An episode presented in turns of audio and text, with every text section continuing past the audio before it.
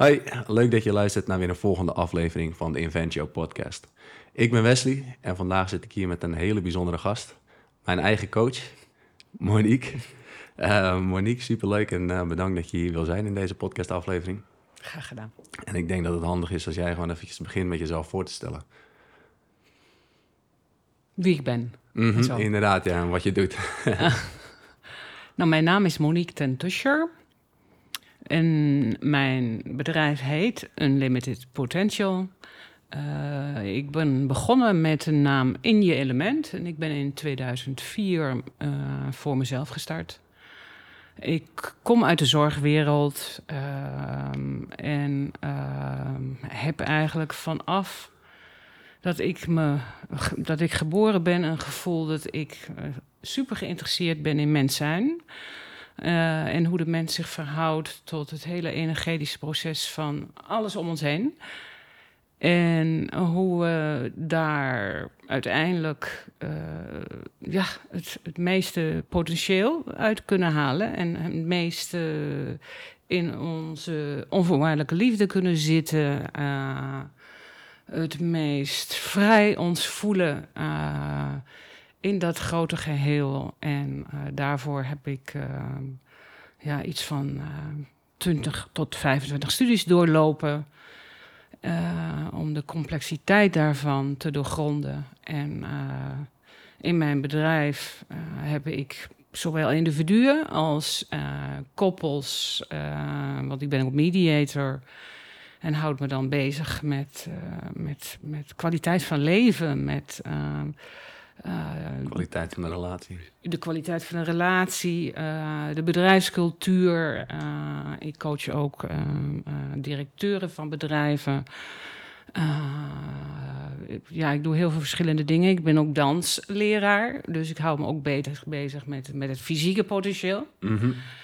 hoe we zo levendig mogelijk net, nou, echt net als een kind, zo blij en zo expressief en vrij in het leven kunnen staan. En, uh, uh, ja, en hoe, hoe vind je de weg daar naartoe? Dat, mm -hmm. dat is het grote geheim. Ja. Eigenlijk in ieder mens. En uh, ik hou eigenlijk ook heel veel van mensen, van het unieke van mensen. En mm -hmm. hou in die zin van mijn vak. Ja, dus je bent coach, mediator en trainer, dansdocent. Ik weet dat je ook dingen met zang doet. Dingen met zang, mm -hmm. ja. Ja. ja, precies. En jouw bedrijf, Unlimited Potential. Ik denk dat de kern eigenlijk al wel zegt dat jij mensen helpt om het potentieel in zichzelf te ontdekken. Ja, mm -hmm. ja, ja. En dan lijkt mij gewoon al direct interessant om met jou de diepte in te duiken. Wat is dat potentieel? Ja, wat is dat potentieel? Uh, als, als we uh, onszelf beschouwen, dan, dan worden we met potentieel geboren. Um, als je uh, uh, de mensen eigenlijk vergelijkt met, met een zaadje in de natuur, mm -hmm. dan zijn we dat, uh, dat unieke zaadje, waar er geen tweede van is. En hoe wordt dat unieke zaadje in zijn expressiviteit, in zijn levensgeluk, in zijn letterlijk het leven manifest maken, hoe, hoe komt dat maximaal uit de verf naarmate we een volwassen mens worden? En uh, uh, dan, dan, als je dat vergelijkt met een zaadje in de natuur, dan, dan begint dat in de grond. Mm -hmm. in, in het donker. Ja. Uh, en in die grond gebeurt er ongelooflijk veel. Kijk naar de natuur, kijk naar de bomen, dat wortelstelsel daaronder. dat wil heel veel water, heel veel zonlicht, heel veel aandacht. Dus met aandacht, liefde, koestering, dat zaadje verzorgen en tot zijn eigen ontvouwingsproces laten komen. Uh, ja, dat is eigenlijk ook waar we vanaf de babytijd uh, ons in ontvouwen. En wat gebeurt daarin? En, en ehm, waar zit het gemis? en hoe vind je het gemis terug? dus dat hele potentieel, dat, ja, ik, ik, ik, uh, als je naar de mens kijkt, valt er nog zoveel winst daarin te halen. Mm -hmm. Ja. Uh, dat, dat is ongelooflijk. Mm -hmm. Er is ook een, een documentaire uh, van allerlei wetenschappers, die is in Duitsland gemaakt door een regisseur. Die heet Alphabet. En daarin wordt letterlijk begint de, de, de trailer van die film of van die documentaire, die begint, nou, als we geboren worden, is 98% van de mens echt geniaal. Mhm. En als je 25 bent en de opleiding is geweest en we zijn klaargestampt voor de wereld om ons ding te doen, Wat is er dan nog over Dan van die genialiteit? 2%. Ja, 2% nog. Ja, Dus dat is in die tussentijd volledig afgenomen. ja, Ja, maar ja. Wat, wat betekent dan echt dat potentieel voor jou? Want je geeft zelf al aan, eh, ja, als je kijkt naar een zaadje in de natuur, dat eh, zit in de grond, dat groeit, of dat is, zit in het donker, dat begint te groeien. Ehm, ik hoor dingen als overgave, of tenminste dat haal ik uit jouw verhaal. Maar eh, wat zou jij omschrijven als het potentieel, of als het potentieel wat in iemand zit? Nou ja, als je, als, je dat als je blijft bij dat zaadje in de natuur, dan zit het onder de grond. Dus eigenlijk in het donker. Ja, En eh, kijk, vergelijk het ook met een, met een plant in een pot. Eh, we geven het water. En dat water dat zuigt zich in die het wortelstelsel, in, in dat donker van die wortels. Mhm. En van daaruit eh, zie je een, een, eh, de, de steel van of een boom of een plant. En daar vertakt het zich in. Maar dat gaat dan vanzelf.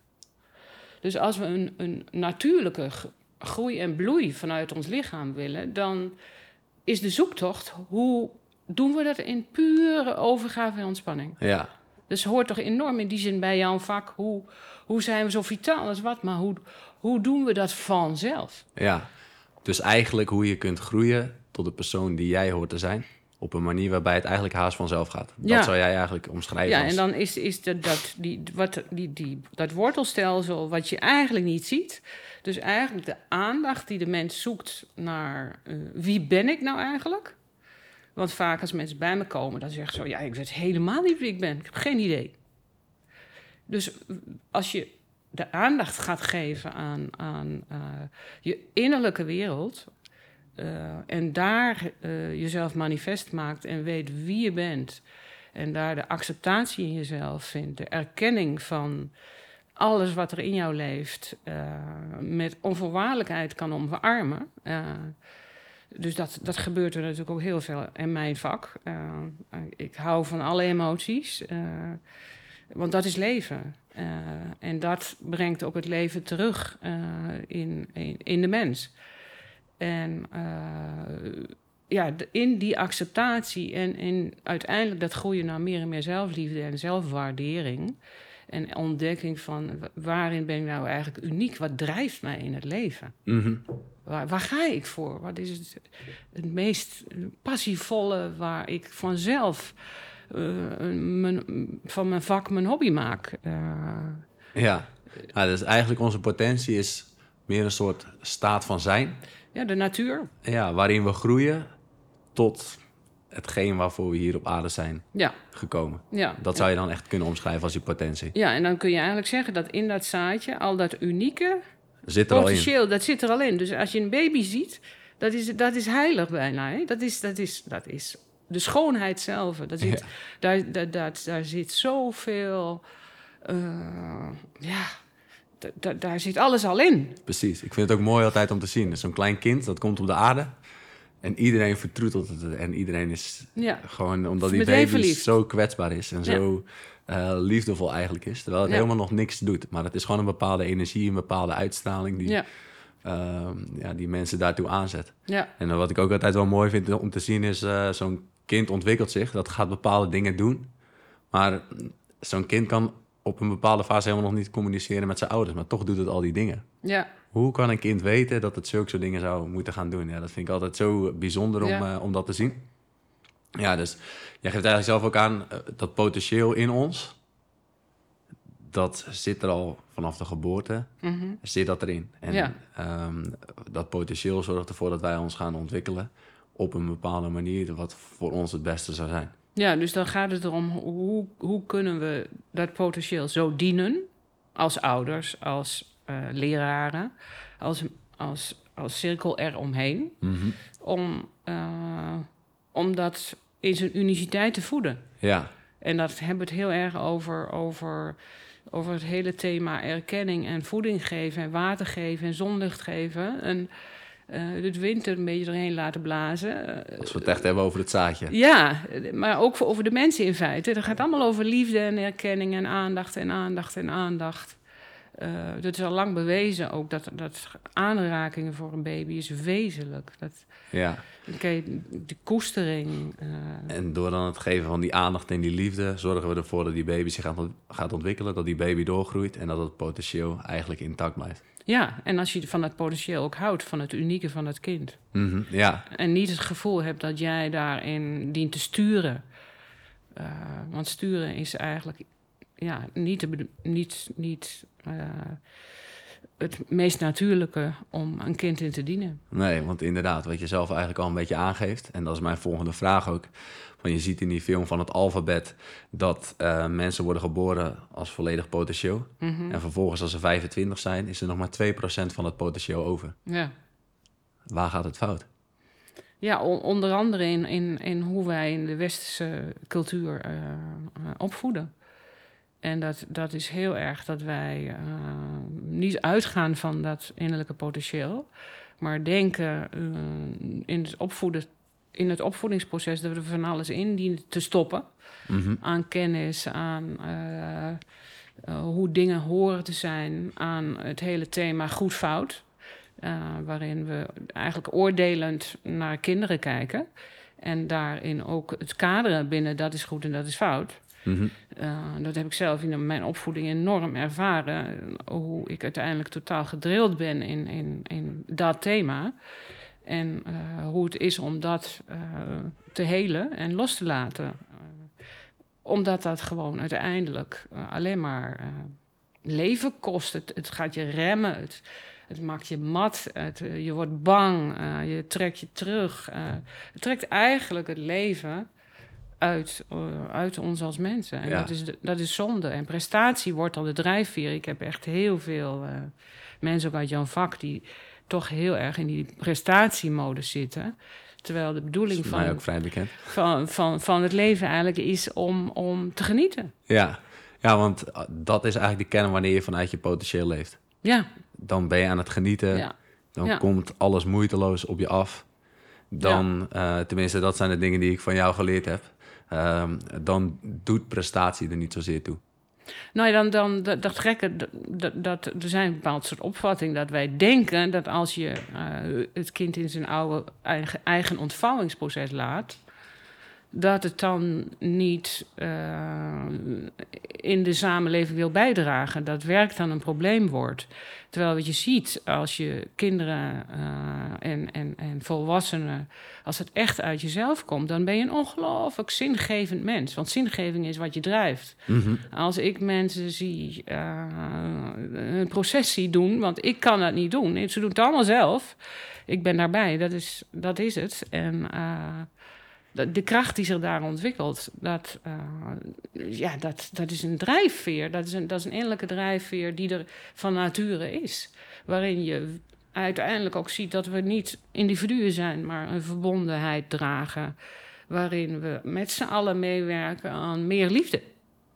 En dat, dat wil iedereen. Ja, en dat is de staat van waaruit we komen met wanneer we vanuit het potentieel komen. En daarom is het ook zo Ja. belangrijk om als mens zijnde vanuit het potentieel te handelen. Omdat ja, ten eerste ervaar je gewoon moeiteloosheid. Uh, je handelt vanuit liefde. En dan in één keer, wanneer je handelt vanuit die liefde, dan doen prestaties er eigenlijk helemaal niet meer zozeer toe. Nee, Want Nee. natuurlijk, daarmee, dat is soms wel een beetje een belangrijk dingetje. Want daarmee heb ik in het begin met ons traject ook wel best zitten struggelen. Van ja, als ik dan geen, als presteren er niet meer toe doet, ja, wat, hoe, wat dan wel? Nou ja, het, het is niet dat het er niet toe doet. Uh, zo zou ik het ook niet direct omschrijven. Maar het, het is een natuurlijk, natuurlijk creatie-prestatiegevoel geworden. Ja, meer flow. Ja. Eigenlijk, omdat het ook wat makkelijker op je afkomt. Ja, Ja. ja, En wat ik daar Ja. zelf wel in eh, heb ontdekt, is eigenlijk, het is prima om dan wel een doel te stellen voor jezelf. Want je wil, ja, stip aan de horizon motiveert uiteindelijk altijd ook wel. Mhm. Maar ehm, dat de weg daar naartoe, dat dit niet één weg hoeft te zijn. Of dat het niet rechtdoor is en zo snel mogelijk dat je daar hoeft te komen. Maar dat je wat meer geniet van de weg daar naartoe ook. ja. Ehm, en dat je natuurlijk dat als stip als aan de horizon zet. maar dat je er ook rust en vrede in kunt blijven vinden als je die stip aan de horizon niet weet te halen. Omdat je bijvoorbeeld ergens linksaf had moeten gaan en daardoor eh, ook weer iets moois bent tegengekomen, waardoor je weer een nieuwe stip aan de horizon hebt kunnen zetten. Je wordt eigenlijk minder afhankelijk van die bepaalde uitkomst, of die bepaalde uitkomst is minder relevant, Ja. waardoor je wat meer rust, vrede in het proces kunt gaan ervaren. En vanuit die rust en vrede, daar komen de mooie dingen eigenlijk eh, jouw kant op. Ja, want, want uiteindelijk, je besch- omschrijft eigenlijk mooi de rust en vrede. En, en, en liefde zou ik er bijna aan toevoegen. Mhm. Omdat je, je hebt wel een doel. En dat heb je wel helder voor ogen. Maar de kunst is dat je uiteindelijk leert om het doel los te laten. En dat het gaat om, om eh, als een stromende rivier, het pad te volgen. En dat met, met alle compassie. Want erkenning is een van de basisthema's in het leven. Eh, want het pad ontvouwt zich voor iedereen uniek. En dat zit bij iedereen. Ehm, ieder mens is niet alleen aardig, maar heeft ook vervelende eigenschappen. Hoe, hoe kun je eigenlijk alles in jezelf omarmen eh, en liefhebben? Ehm, en ja, die reis, daar gaat het om. Dat je, dat, ehm, dat je daar plezier in hebt. Ja, ja precies. Ja, en dan, En dat gaat inderdaad wel ook over overgave. Dat is daarin wel belangrijk. Want als je het gevoel hebt dat je, dat je ingekapseld zit in, in, eh, in je lijf bijvoorbeeld. Dat kan ik me bijna niet voorstellen. Omdat, omdat eh, dat grote geheel, daar zit de magie in feite. Dus dat betekent dat als ik in overgave ben aan die rivier, de stroom van het leven met zijn eigen meanders daarin, et cetera. En soms eh, sla je inderdaad even af en heb je eigenlijk niet de beste tijd van je leven. Eh, en eh, tegelijkertijd de overgave ervaar ik wel als, eh, als ergens als magisch, omdat, je daarin, omdat ik daarin...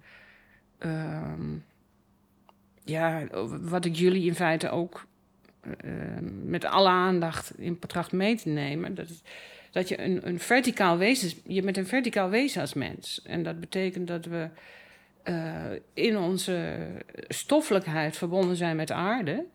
eh, en daar een lijntje naartoe kunnen trekken. En onze energie eh, verbonden zijn met het universum.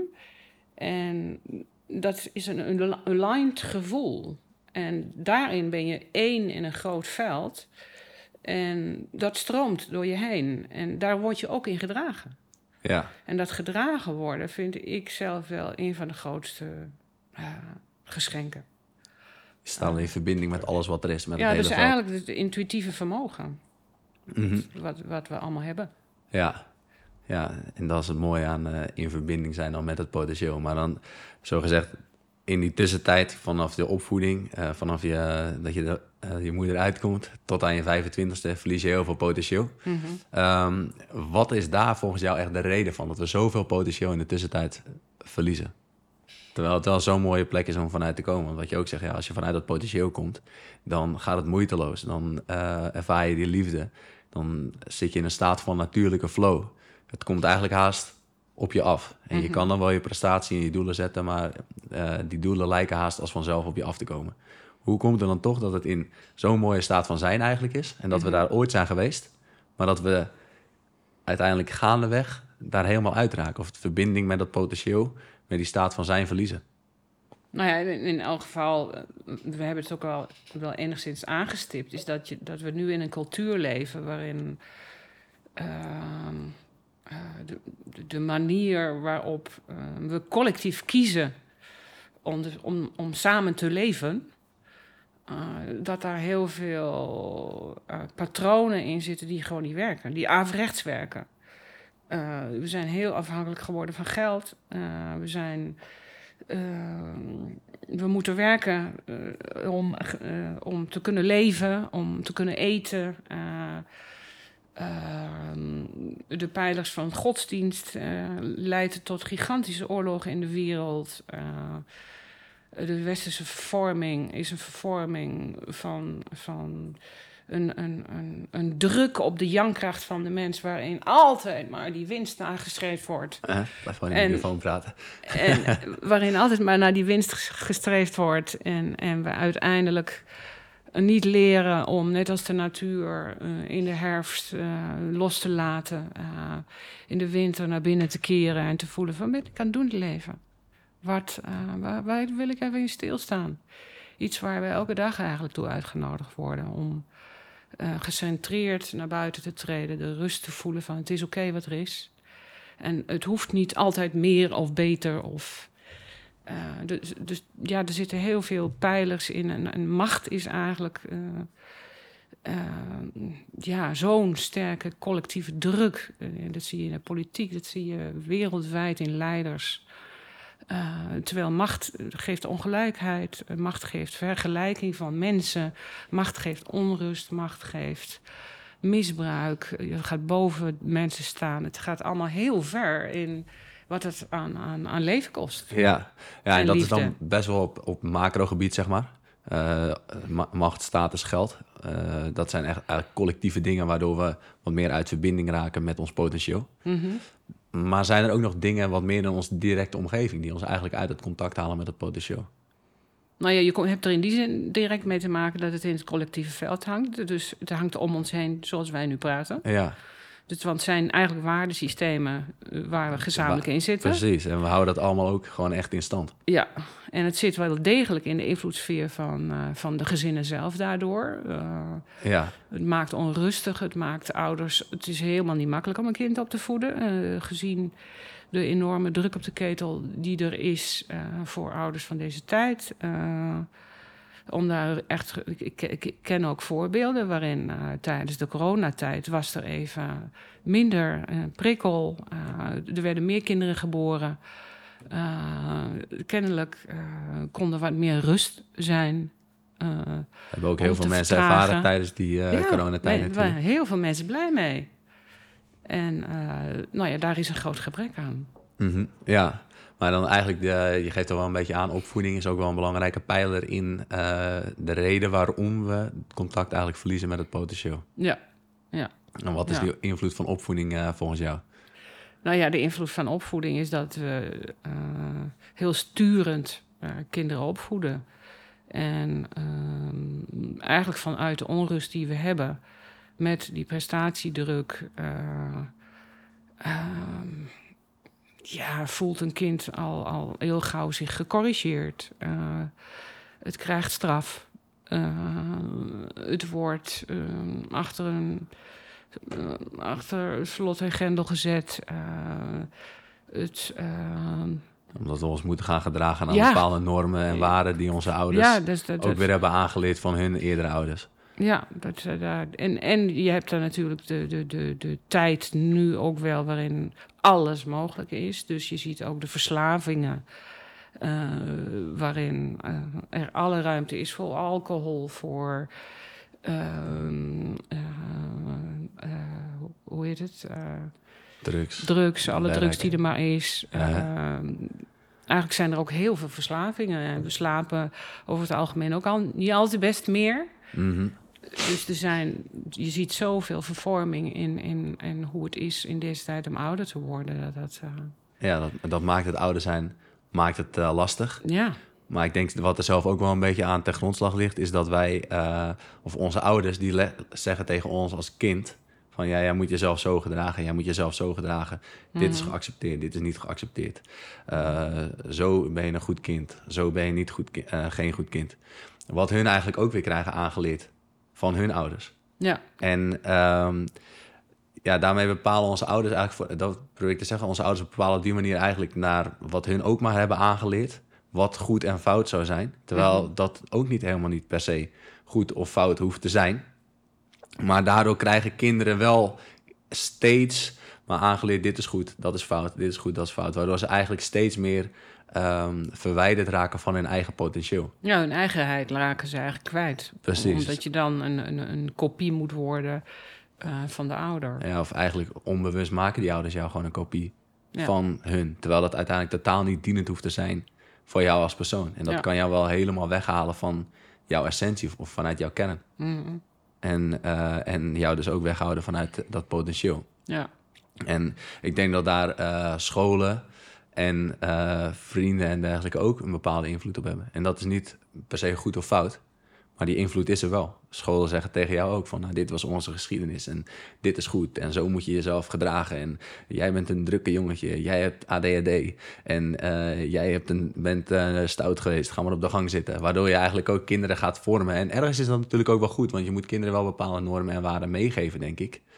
Um, maar in sommige gevallen kan het ook ten koste gaan van het kind zelf. Waardoor we ons op een bepaalde manier gaan gedragen naar ja, een bepaalde standaard. Die totaal niet dienend hoeft te zijn voor, uh, voor een kind. Ja. Tenminste, Ja. zo is hoe ik dat een beetje zie. Waardoor we op een gegeven moment verwijderd raken van ons eigen potentieel. Nou ja, ik denk eigenlijk dat we eh, toe, toe willen ook naar hoe vinden we de ruimte terug dat het kind zijn eigen stroom kan volgen. Dat, dat, is, dat, is de, dat is de echte vruchtbare weg. Mhm. En dat daar geen druk meer op zit, dat die pressie eraf is, eh, ruimte daarvoor is. eh, ja, dat, daar, daar kan nog zoveel in veranderen. Ja, dat, eh, dat denk ik zelf ook. Alhoewel, ik denk ook wel dat we in een transitiefase daarin zitten. Ja, ja absoluut. Ik, ik, ik hoor hele mooie voorbeelden. Ehm, ik heb recentelijk het boek gelezen Jagen, Verzamelen en Opvoeden.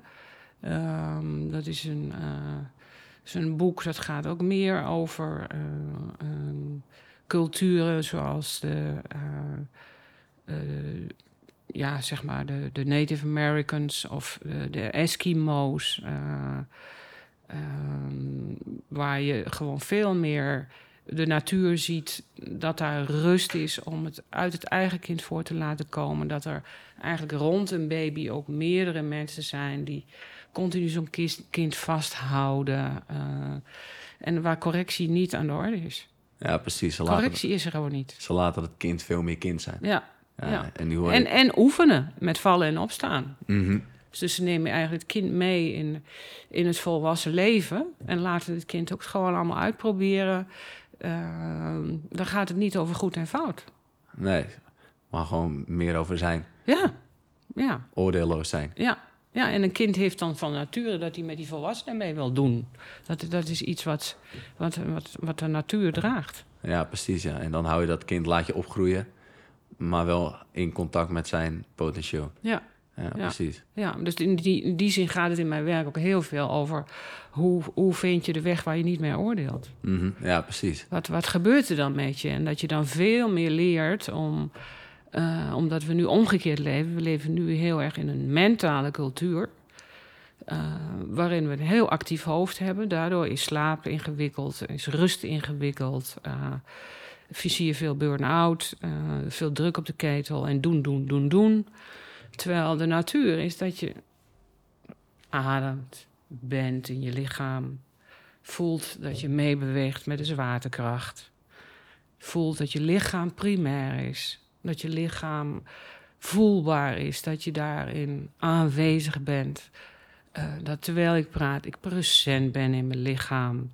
En eh, dat je denken eigenlijk een aanvullende kwaliteit is op die aanwezigheid in je lichaam. Ja, precies. En dat is een omgekeerde wereld in feite. Ja, de, En dan is het hier rustig en dan ben je helemaal niet bezig met, met, met het goed en fout en oordelen. Nee, precies. Ja, en dat is ook wel de, een van de lessen inderdaad die ik heb meegenomen uit eh, de sessies die ik met jou heb gehad. Ik zit nu inmiddels volgens mij al drie jaar. Geen idee. Ja, volgens mij wel. Volgens mij echt begin corona, toen, eh, toen kwam ik naar je toe. Dat is wel echt inderdaad een van de lessen die ik daaruit eh, heb meegenomen. Hetgeen wat je net, eh, wat je net zelf beschrijft. Mhm. Gewoon veel meer het, eh, in het lichaam komen Ja. en veel meer uit het hoofd. Alhoewel dat nog wel moeilijk is. Ik vraag me af, heb jij ooit momenten dat je ook... Natuurlijk, jij zal ze ook hebben dat je wel in je hoofd zit, toch? Tuurlijk, ja, zeker. Ja. Zeker. Maar Maar ik, heb, ik voel me wel gezegend dat ik inmiddels 62 ben en veel heb mogen oefenen. Ja, En daar ook de weg dus enorm in, in heb mogen terugvinden. Wat ik als een geschenk ervaar. ja, En daardoor, eh, ja, met jullie mee kan reizen. Ja, precies. Want waar komt eigenlijk jouw, eh, ja, jouw interesse voor dit eh, potentieel in mensen vandaan? Waar komt het vandaan? Nou ja, in elk geval was ik rond mijn twintigste zo'n puinhoop. Uh, en zo ellendig. Uh, dat, dat ik in elk geval niet wilde leven, zullen we maar zeggen. en er iets, iets aan, ja, minder, ja, ja, ik was wel, wel daar veel mee bezig. ik heb dat met, met um, proberen te verdwijnen, letterlijk. Dat die, die zin ken ik heel goed in mijn puberteit. Hoe, hoe kan ik verdwijnen? Ja. En uh, de, daardoor ging ik ook niet eten. En ik had ook bij mijn vader, want ik kom uit een, uit een ongelooflijk. Um, ja, uh, mijn vader was echt toch wel een soort door de oorlog zo gekwetste man. Uh, die, zijn, zijn, ja, die, die krijgt dan negen kinderen in twaalf jaar. Dat had je toen nog in het katholicisme. Uh, Heftig. En dat is, ja, dat hij ook met mijn oudste broer ging fietsen toen ik nog moest komen. En tegen mijn oudste broer zei: Hoe moet ik dit toch doen? Er, komt, er komt er weer een. Hoe moet ik dit toch doen? Ten einde raad. Mama gewoon kinderen gemaakt omdat het de standaard ook was. Ja, ook helemaal weg van zijn eigen essentie en weg van zijn eigen ja. potentieel. Ja, binnen het geloof ging dat zo. Mm -hmm. En uh, ja, ik heb enorm geleden onder, onder het regime ten tusje, zou ik bijna zeggen. Van je vader. En, en ik ken de ten tussers weer, om het zo te noemen. Dus, dus dat, daar ben ik van doordrongen. En mijn streven was, hoe kom ik hieruit en hoe word ik Monique, bij wijze van. Hè? Want, ja. want toen ik begon om aan mezelf te werken, wist ik echt niet wie ik was. Ik had geen idee. Ja. Uh, ik hing een beetje tegen psychoses aan. Uh, heb het net niet gehad. Uh, en ja, daarin was dus eigenlijk een beetje een, een, dun draadje van, van eigenheid.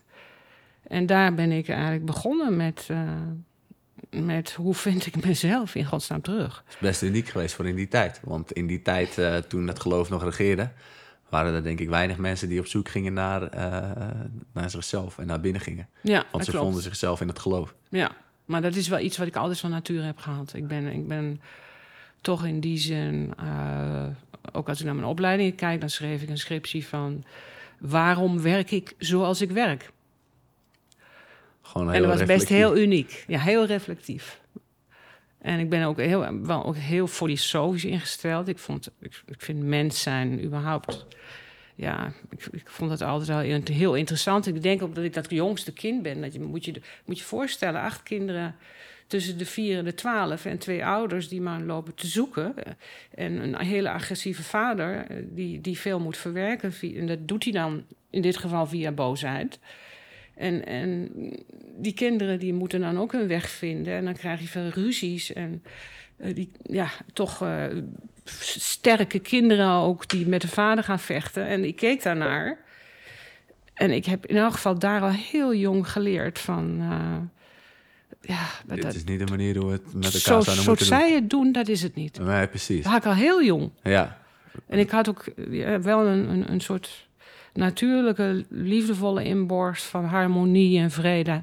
En ging ook bij iedereen op schoot zitten. En goh, we kunnen met elkaar wat liefde, liefde doen of ja. troosten. Van eigenlijk een hunkering naar, naar die liefde ja, die er naar niet was. harmonie. En, ja, enorm. Dus dat, dat, het, is, het zat en in mij en het lot maakte ook dat ik wel iets met mezelf moest. Ja, ja, je was zo ten einde raad eigenlijk. Gewoon zo deep down. Ja. En hoe ben je toen Ja. jezelf daarin gaan ontwikkelen? Of hoe, heb je jezelf, hoe ben je jezelf gaan ontdekken?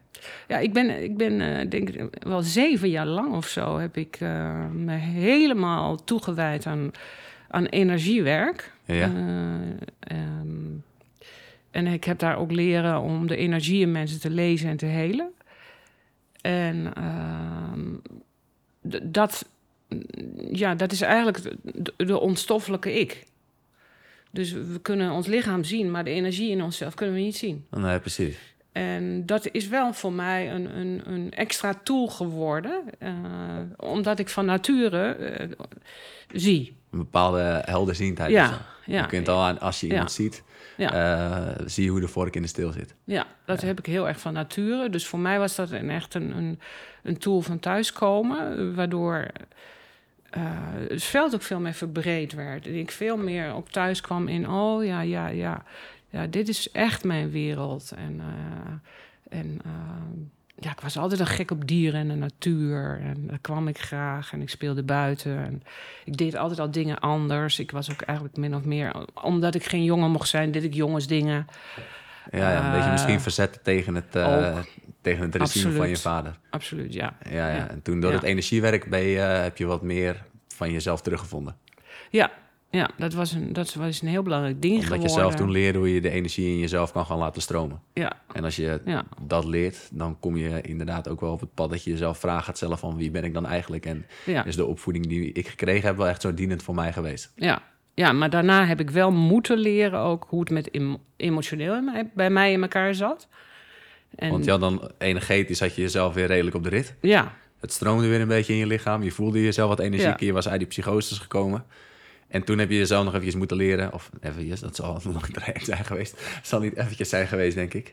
Maar toen heb je jezelf geleerd hoe je om kan gaan met emoties. Ehm, nou ja, ik heb. Het emotionele deel van ik, jezelf. ik kunnen had in elk geval nog steeds heel erg last van het oordelen in mezelf. En Mhm. van dat hele negatieve denken. Waarin ik ehm, ontzettend destructief letterlijk dacht. eh, met veel zelfhaat. En ik moest dus iets met, ook met mijn mind eh, in combinatie met het gevoel. En daarin ben ik eh, voice dialogue gaan studeren. En dat is eigenlijk een methodiek waarbij ik heel erg eh, veel gewerkt heb met mijn mentale denksystemen. Waarbij je die leert ehm, als identificatiepatronen in jezelf ehm, eh, kenbaar, herkenbaar te maken. Dus een, een- de, de kritieke stem in mij, de kritische stem, werd, eh, werd een, een, een identificatie waar ik mij toe kon verhouden.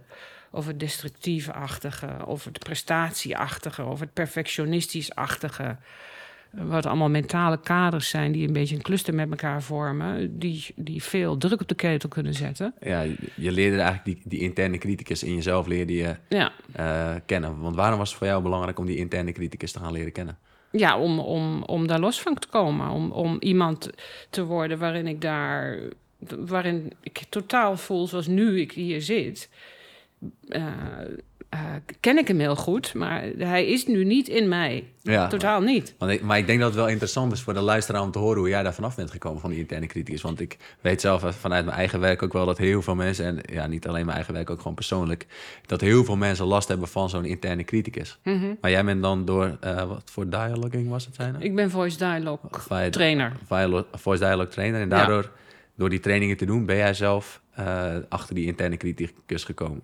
Nou ja, je moet het zo zien dat, dat waar ik begon, mm, zit de stem hier.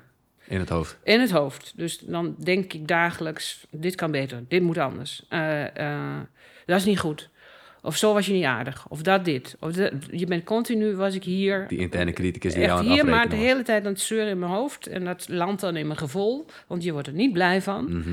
Dus dat gebeurde steeds in mijn systeem. Ja, doordat je eigenlijk negatieve gedachten had of oordelende gedachten, Ja. kreeg je ook een bepaald negatief gevoel. Ja, het glas is altijd eerder half leeg, nooit half vol. En dat krijg je niet voor elkaar. Kreeg ik tenminste niet voor elkaar.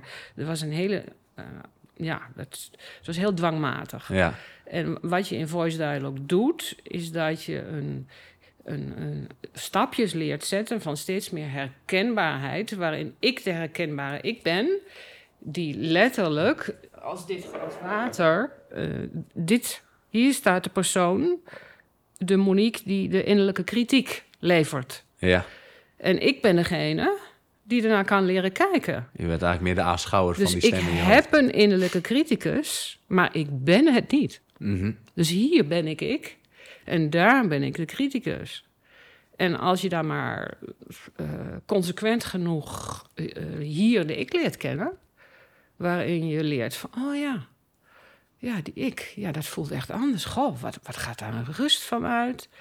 En eh, ja, dat is echt heel anders, want ik kom meer in mijn lichaam. En, zodat je steeds meer de verrassingen uh, versterkt, die, uh, de vrijheid die je hier voelt. In het lichaam. In het lichaam letterlijk meer en meer groter leert maken, meer aandacht leert geven. Dus het is een proces waarin dit meer, meer, meer wordt. En, en daardoor leer je uh, letterlijk zelfsturing. Ja. Dus, je, dus je leert uh, eigenlijk de transformatie gaat het dan over kritiek. Uh, want hier wil het toch ook meer gewaardeerd worden. En uiteindelijk krijg je een, een, een, verschuiving van, van erkenning en waardering hier. In het lichaam en in, rond het hart. Ja, waar, in, waar, in acceptatie, waardoor eigenlijk, ja, ik heb er nu nog heel weinig last van. Ja, en dat is ook een van de krachtigere dingen die jij mij hebt geleerd in de sessies wel. Want ik was zelf ook iemand met een enorme interne criticus. Um, en jij hebt me eigenlijk inzichtelijk gemaakt door me dan, ja, ik probeer het een beetje uit te leggen voor de luisteraar, door me dan in het midden neer te zetten. Vervolgens een stap naar links te maken, waarin ik in die interne criticus zat. En vervolgens um, weer terug naar het midden te komen en een stap naar rechts te maken, waarin ik eigenlijk meer in die vredelievende zelf zat of meer vanuit het hart kwam. En uh, jij beschreef dan een verhaal, hoe ik mezelf gedroeg wanneer ik in die interne criticus zat. En je beschreef een verhaal wanneer ik meer uit mijn hart kwam.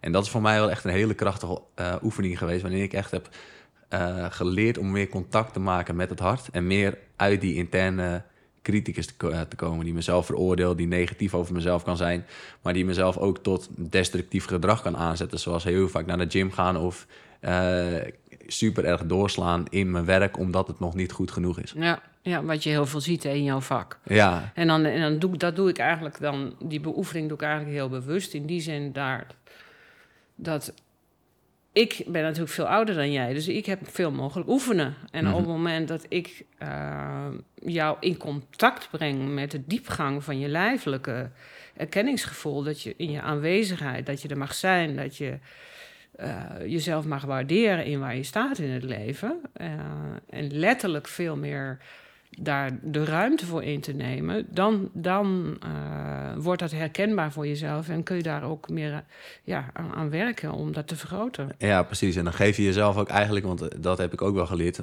doordat je het verschil gaat opmerken tussen die interne criticus en die stem die wat meer komt vanuit liefde en vanuit uh, aanvaarding, mm -hmm. dan je gaat het steeds makkelijker herkennen, waardoor je jezelf ook steeds makkelijker de keuze kan geven van hé, hey, ga ik nu mee met die interne criticus? Ja. Waarin eigenlijk alle aangeleerde patronen, uh, overtuigingen en dergelijke zitten die totaal niet dienend hoeven te zijn. Die ook weer voortkomen vanuit de opvoeding, waardoor we het contact met ons potentieel zijn verloren. Mm -hmm. Of kies ik voor die stem vanuit mijn hart, vanuit uh, ja, waarin het eigenlijk al wel goed is.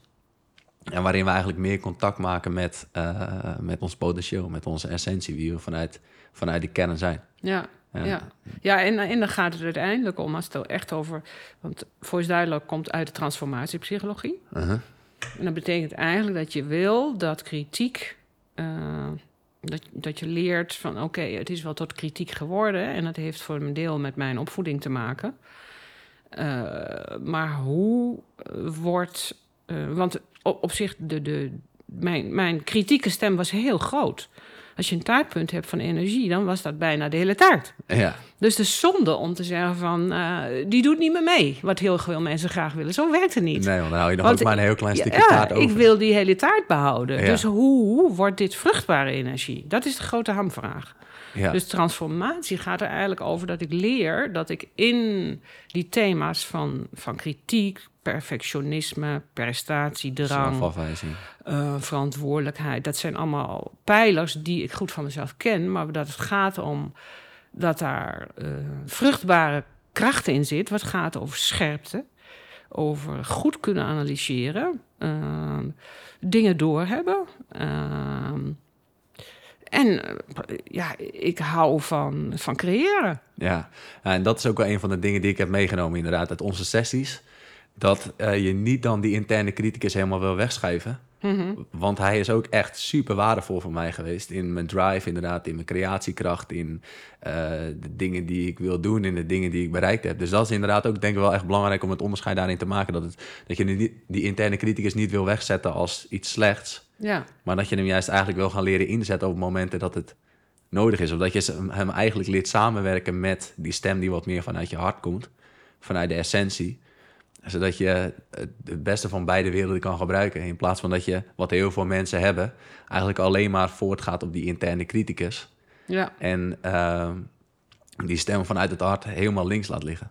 Ja, en dan krijg je ook als je, als je eh, in het thema kritiek blijft zitten, blijf je ook, denk ik, te veel hangen in de druk op de ketel. Precies, inderdaad. Ja. En- en- Gevangen en- zitten in je lichaam. En je wil toch, eh, want dan kom ik eigenlijk op het thema kwetsbaarheid. Dat, dat eh, ja, ik kom wel uit het tentusje gezin. Dus ik heb gewoon, ehm, eh, iedereen heeft een sterkte-zwakte-analyse. Dus ik heb gewoon gevoelige snaren, zeg maar, in mijn systeem, waarin ik geraakt kan worden. Ja, En hoe dan ook, ehm, eh, wil ik het wel graag heel goed doen. En ehm, kijk ik daar ook wel, wel, wel scherp naar. En dan kom je heel erg op zo'n, op zo'n kantelgebied waarin er hoe dan ook momenten kunnen zijn dat je er toch last van hebt. En dan is het ook de kunst, ehm, want je hebt het ook over je hart. Je hart is eigenlijk, daar kom je op het moment dat je kwetsbaar kan zijn. precies. Dan, dan wil, je, wil je het de natuurlijkste zaak van de wereld vinden dat je pff, soms even niet ziet zitten, of je soms niet blij bent met jezelf, of eh, eh, niet, je niet, niet tevreden bent over hoe je iets gedaan hebt, of eh, dat, je, dat je daar even last van mag hebben. Zonder dat je daar dan per se direct verandering in wilt aanbrengen. Ja, Of ja, dat dat gevoel er niet mag zijn. ja, dus het vermogen, ik, ik, ik zeg ook altijd, ik hou van huilen. Dat heb ik echt geleerd, want ik kon dat niet meer. Misschien ook omdat die emotie helemaal niet geaccepteerd was tijdens de... Ja, dat, werd- dat dat werd er echt uitgedrild. En eh, ik heb dat echt opnieuw helemaal weer aangeleerd. En ik, ik, ik, ik vind het echt, als ik me ook voorstel dat, dat mensen zo kwetsbaar kunnen zijn en, en bij je huilen, dat, dat, dat getuigt van ongelooflijk veel vertrouwen. Mhm. Dat is eigenlijk een heel groot geschenk, Ja. we elkaar dan geven. En dat vind ik mooi. Ja, zeker. Ja, en dan kwetsbaarheid is voor jou eigenlijk de weg naar, naar het hart toe. Ja, de, de weg naar het thuis. Thuis, Ja, ik bedoel, thuis is dan kracht, is kracht hart. kwetsbaarheid is, is, is, eh, is een uitdrukking die best wel gangbaar is volgens mij. Kracht en kwetsbaarheid. Ja, dat is het boek van uh, Brene Brown. Ja, dus, ja, die is ook het boek van Brené Brown. Maar ik hoor het wel veel vaker om me heen. Eh, en ja, daarin, daarin blijf ik altijd ontvankelijk en, eh, ehm, en nederig. En, in verrassing van het moment.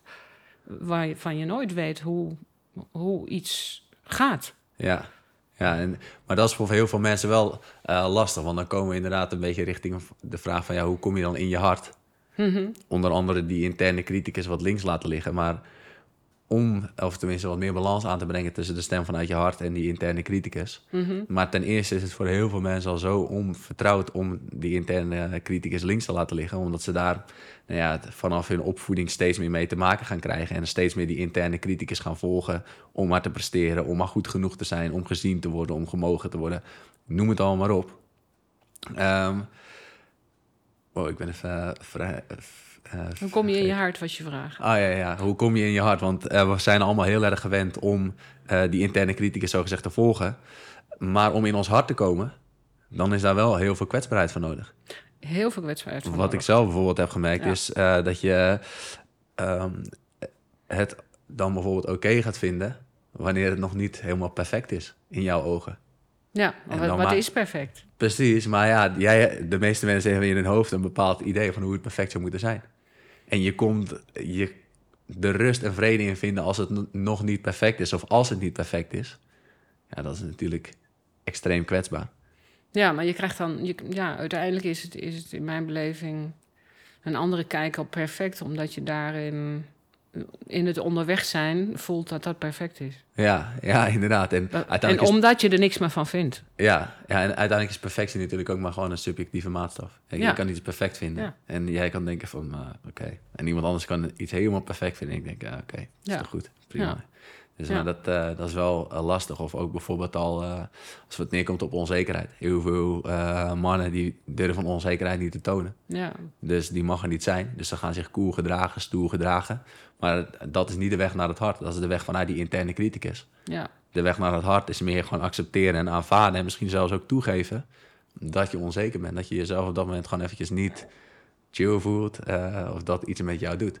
Ja. Ja, en dat, die kwetsbaarheid, ja, dat is voor heel veel mensen is dat lastig. Maar dat is dan wel de weg naar, eh, naar onze essentie toe, die kwetsbaarheid. Ja, en naar het hart dus, zo- zoals je begon.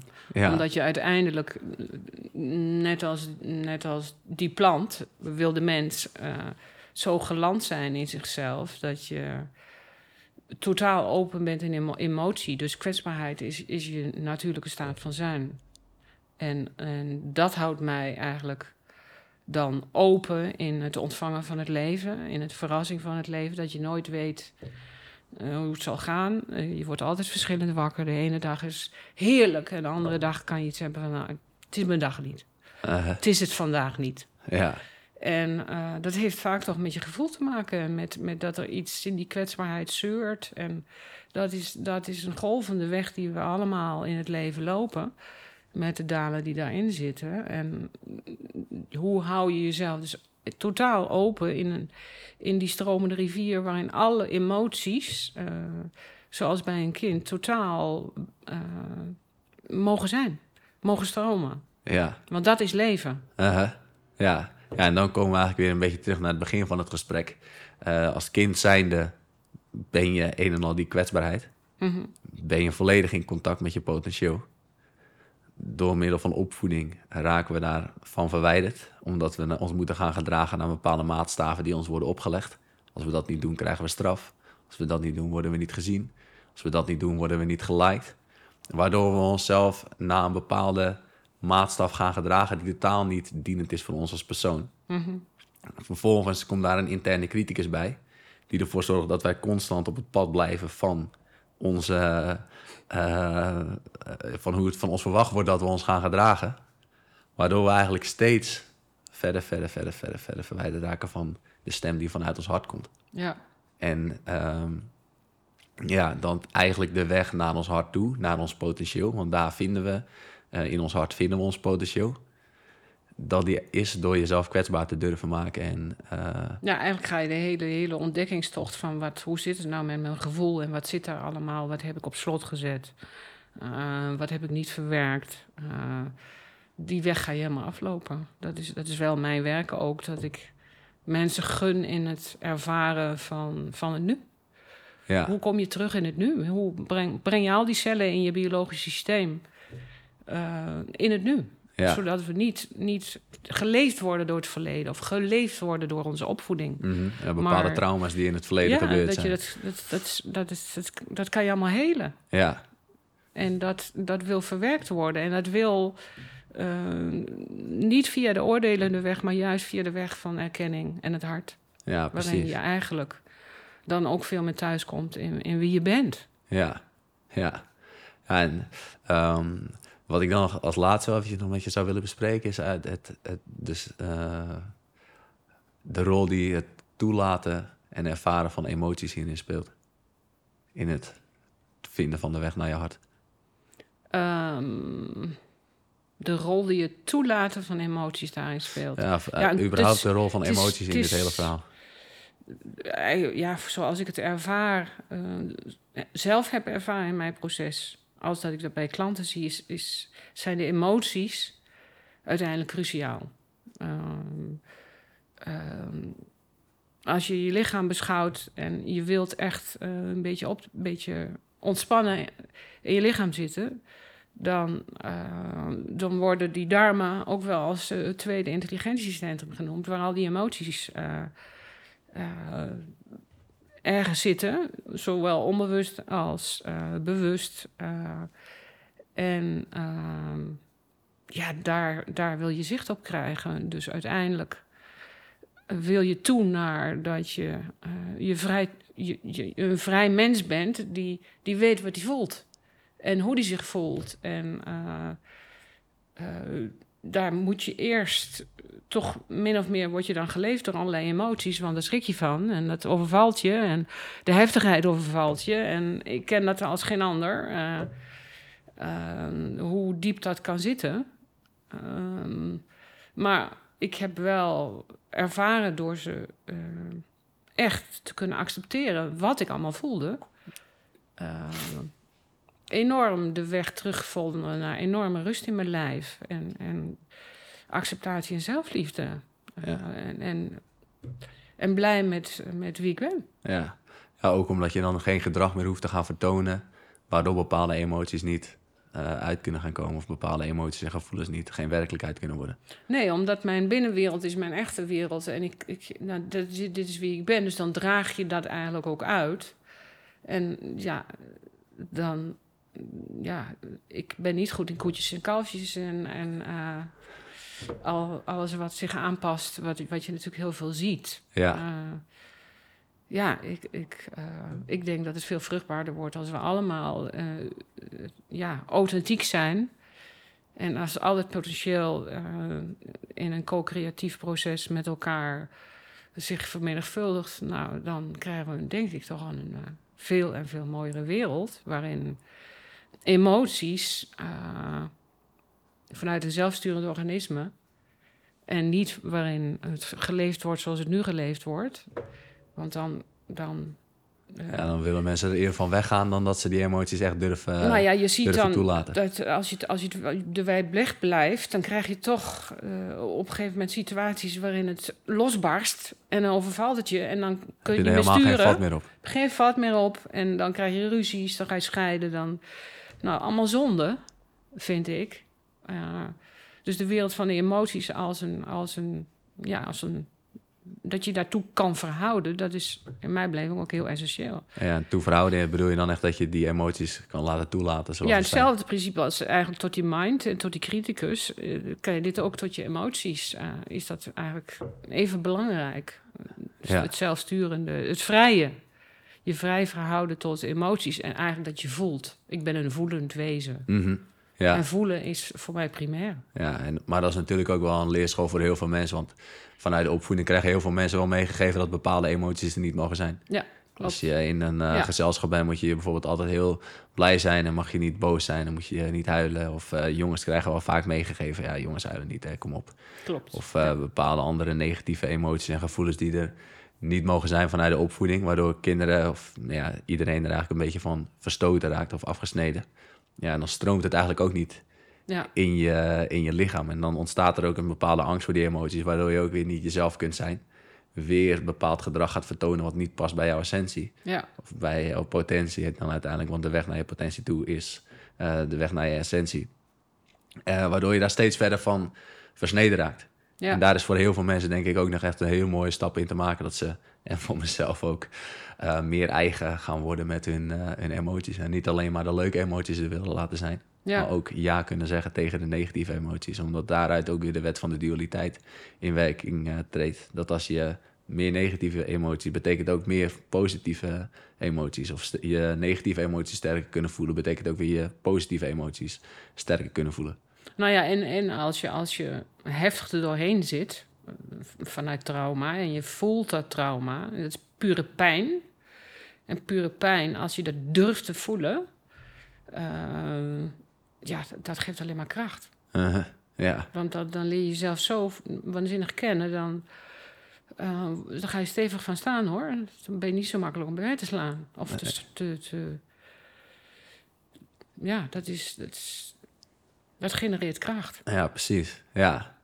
Ja, ik denk dat we wel een uh, mooi uh, gesprek hebben neergezet. Waarin we hebben laten zien dat we als kind zijnde worden geboren een en al potentieel zijn, omdat we eigenlijk ook een en al kwetsbaar zijn. Vervolgens in onze opvoeding bepaalde patronen krijgen aangeleerd, bepaalde overtuigingen, bepaalde manieren van denken. We krijgen aangeleerd dat we bepaalde emoties er niet mogen laten zijn. Ehm, we maken bepaalde trauma's maken we mee vanuit opvoeding met vriendjes, met school, met ouders. Die er eigenlijk voor zorgen dat we steeds meer verstoten raken van wie we werkelijk zijn. Onze essentie. En onze essentie is de weg naar het potentieel. Waardoor we daarvan versneden raken. En dat eigenlijk de uitnodiging is aan ons allen om zelf weer op zoek te gaan naar dat potentieel in ons. Wie we nou daadwerkelijk zijn. En ook uh, de kinderen, onze kinderen als we die krijgen, of kinderen gewoon om ons heen, kind laten zijn, zodat ze in contact kunnen blijven met die essentie die in zich zit. Omdat vanuit daar het potentieel in elk kind uh, tot bloei zou komen. En uh, dat eigenlijk de weg naar dat potentieel toe is kwetsbaarheid. En onder andere ook die interne criticus stilhouden. Of tenminste, meer balans brengen tussen de stem vanuit de interne criticus en de stem vanuit het hart.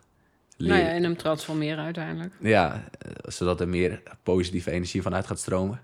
Want uiteindelijk wil je, wil je vanuit je hart je potentieel voelen tot je, je, je denkkader, tot je mentale vermogen. Uh-huh. En dan krijg je eigenlijk ook dat het, de, de hersencapaciteit meer intuïtief gebruikt wordt. En hetzelfde doe je eigenlijk tot, tot je emoties en je gevoel, waarin je je tot je gevoel kan verhouden. En ook een, een, een, een vermogen krijgt om uh, daarin enorm veel levenskracht te voelen in alles wat je voelt. Uh-huh.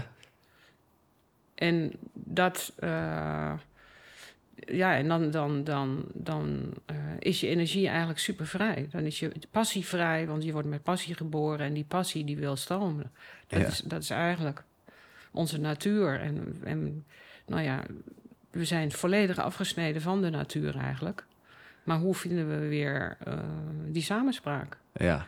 Dat we er veel meer op lijken dan we denken. En, ja. uh, en wanneer, en we die, uh, wanneer we dat contact weer maken, dan vanzelf komt ons potentieel komt tot leven.